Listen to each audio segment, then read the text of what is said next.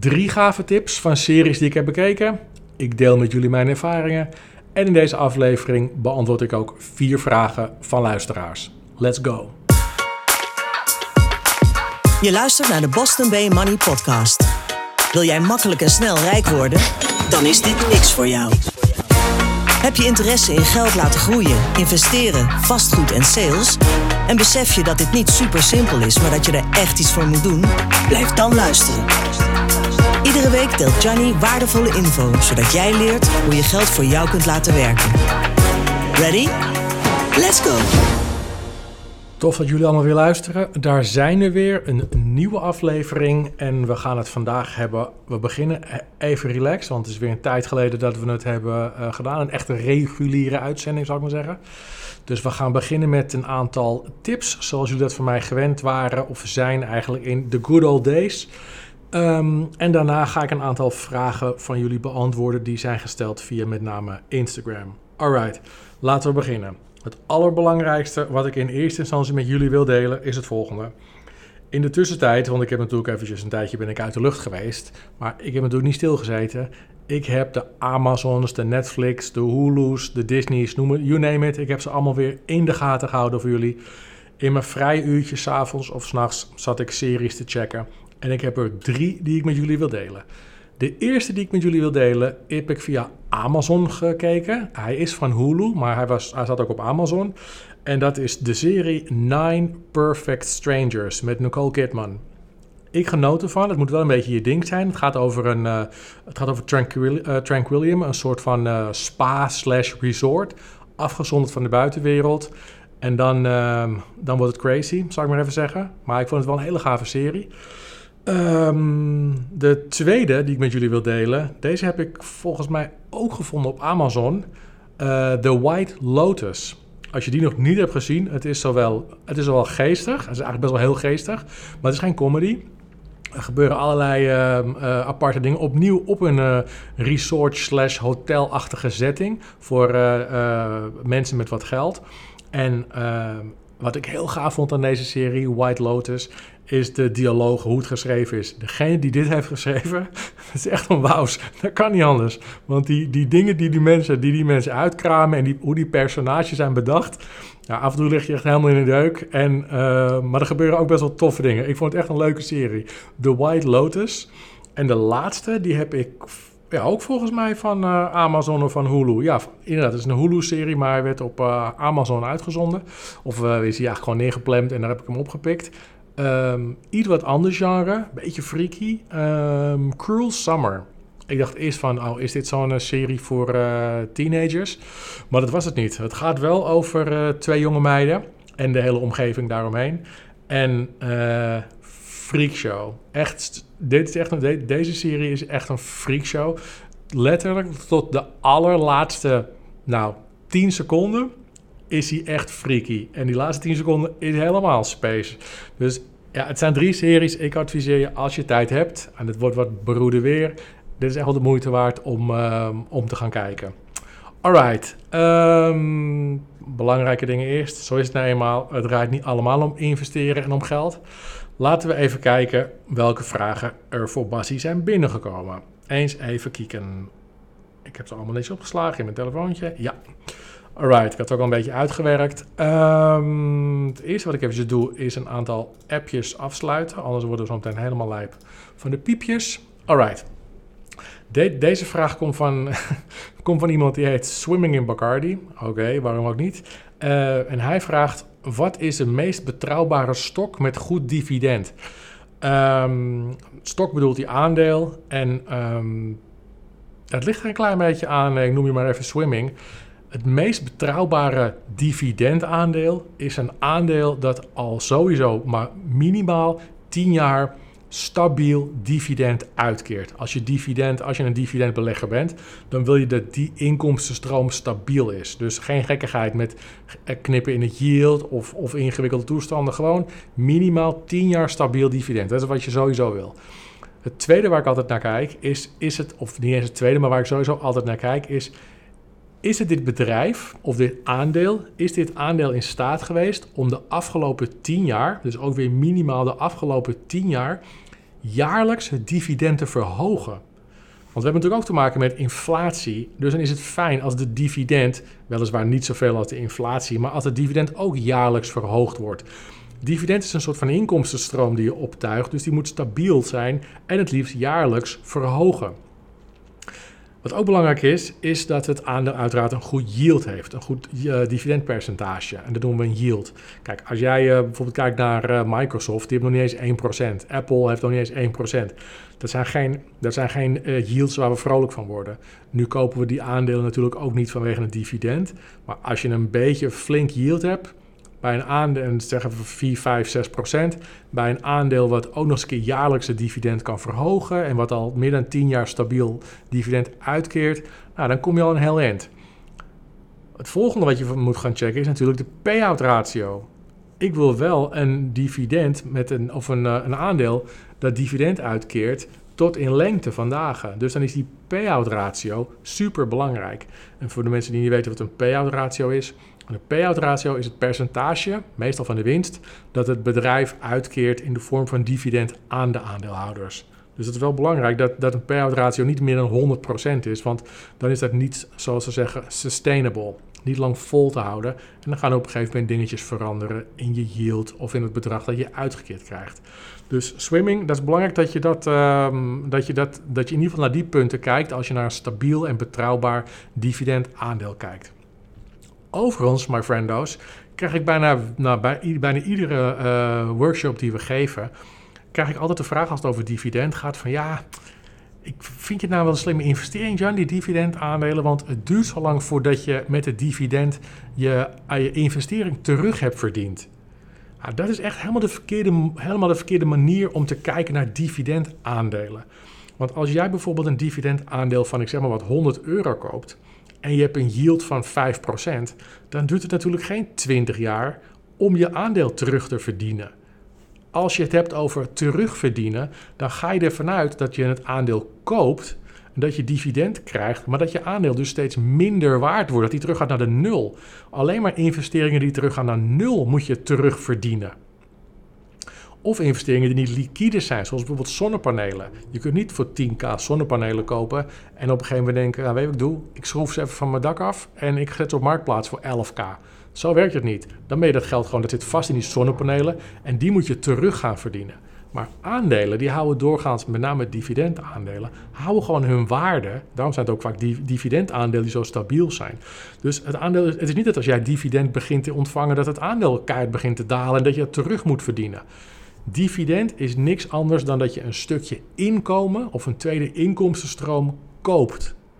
Jij koopt een aandeel, een dividendaandeel, en daar word je voor beloond per kwartaal. Ieder kwartaal krijg jij een stukje dividend uitgekeerd. Dus je koopt als het ware inkomen. Dat is wat dividend is. Je hoeft niks terug te verdienen. Dus als je het op die manier kijkt naar dividendaandelen, dan snap je nog niet helemaal. Dan moet je heel even terug naar de tekentafel. Want dan kan ik me voorstellen dat je dividend niet interessant vindt, maar dan komt dat je het nog niet helemaal begrijpt. Oké, ik neem even een slokje water, want de volgende vraag is van Bart. Ik hoop overigens, swimming, dat je hier iets aan hebt. Even wachten hoor. Alright, Bart. Eens even kijken. Wat was jouw question, my friendo? Um, kun je wat meer uitleg geven over de overwaardering van ETF's in jouw ogen? Nou, deze is heel, heel simpel. Um, ik denk dat de ETF's, de, bijna alle ETF's op dit moment, overgewaardeerd zijn. En de, de, mijn um, idee daarachter is heel, of mijn visie tussen haakjes, is heel simpel. Als je kijkt naar de gewone aandelen, dan zul je met me vaststellen dat het merendeel van de aandelen op dit moment overgewaardeerd is. Nou, dat heeft mede te maken met de manier waarop de kunstmatige geldstroom op gang is gekomen. Die is voor een heel groot gedeelte richting de aandelen gestroomd. Dus er is, met heel, er is heel veel kunstmatig opgeklopte lucht in die aandelen terechtgekomen. Logisch, want we konden nergens anders naartoe met ons geld. Op spaarrekeningen krijgen we niks. Huis aflossen schiet niet op, want die rente is ook bijna niks. Dus dan los je een ton af en dan betaal je 13 euro minder in de maand. Dat is niet handig. Dus heel veel geld is er naar de aandelenmarkt gestroomd. En wat je krijgt is als je meer aan, als je meer mensen hebt die willen kopen, dus als je, meer als je weer meer kopers hebt dan verkopers, dan gaat de koers omhoog. En we hebben natuurlijk de hele tijd veel meer kopers dan verkopers gehad. Waarom zou je verkopen als alles stijgt?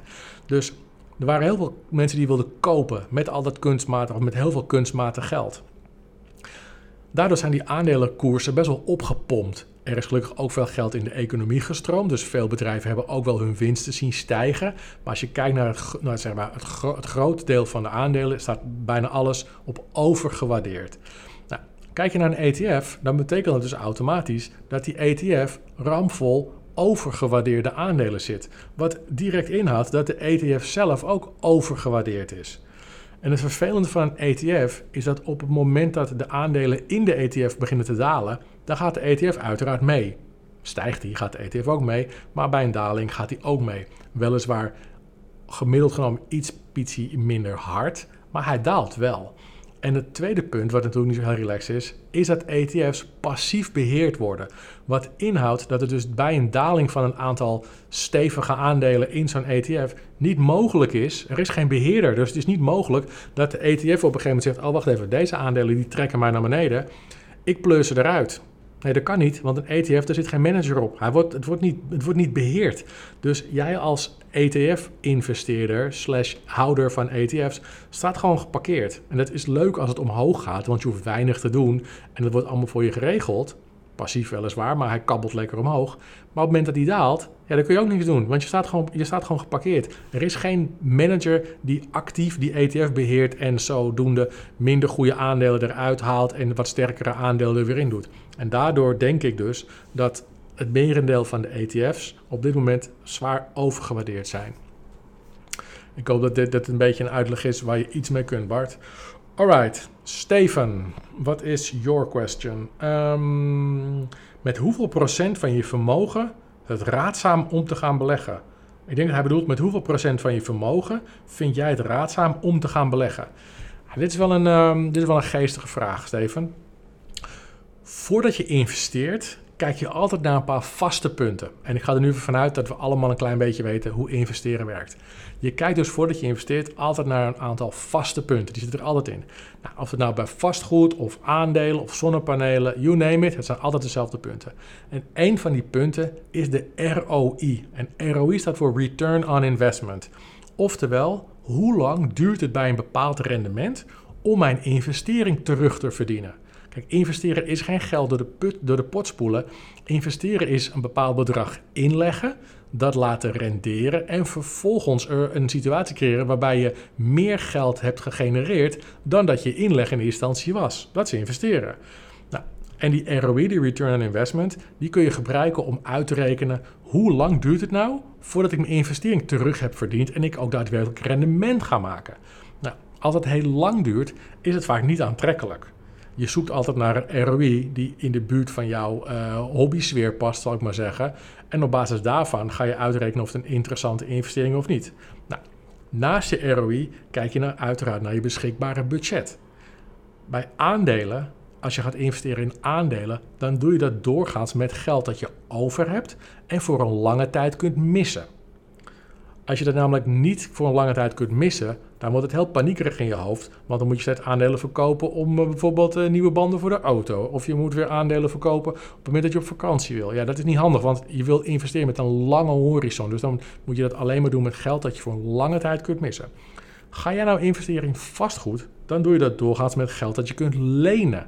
Bovenop het geld dat je als eigen inleg moet inbrengen, zodat je überhaupt een financiering rondkrijgt. Dus dat is weer vastgoed. Dat is niet met geld dat je over hebt, maar met geld dat je kunt lenen. Even los van je eigen inleg, want je moet natuurlijk meestal een financiering aanvragen. Nou, en dan, dan zie je ook gelijk, Steven, dat zeg maar, het raadzame deel tussen haakjes uit jouw vraag zit dus niet per se in het bedrag of in het percentage. Het zit in hetgeen dat je kunt dragen zonder dat jouw financiële boot, zal ik maar even zeggen, zonder dat jouw financiële boot scheef gaat hangen. En ik gebruik altijd als leidraad het volgende verhaaltje. Het eerste wat ik denk dat je voor moet zorgen, want nogmaals, je wilt investeren met geld dat je voor lange tijd kunt missen.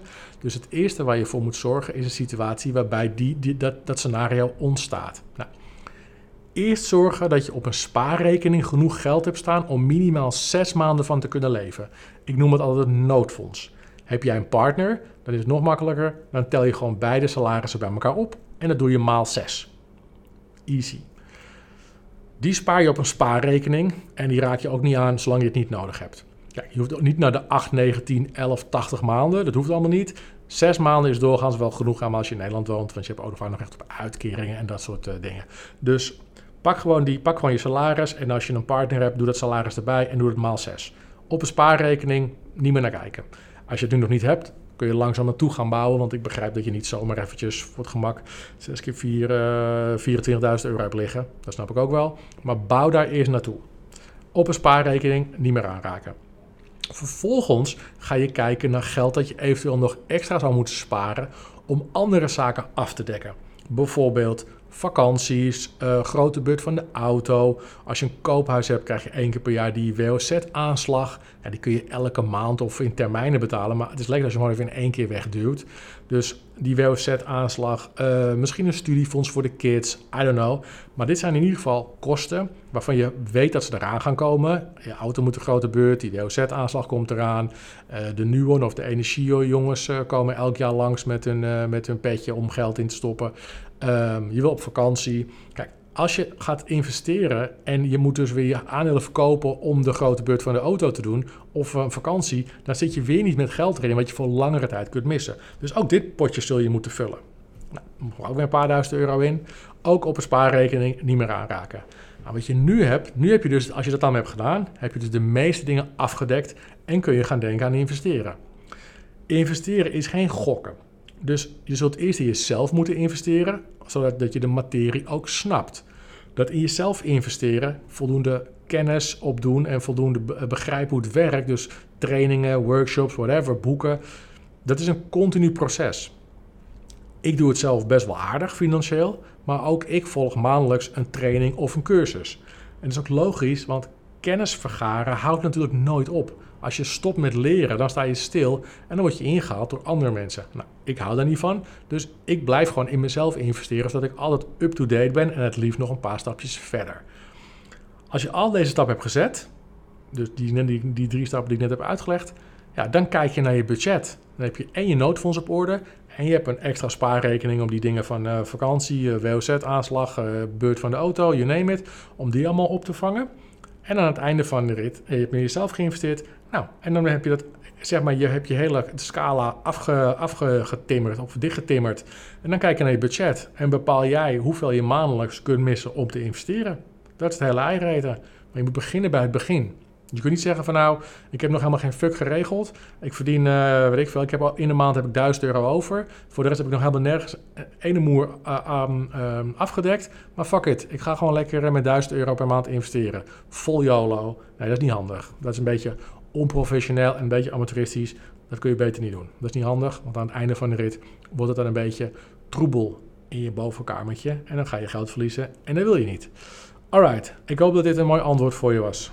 Um, de volgende vraag is van Wessel. Dus even kijken, hoe lang zijn we al aan het?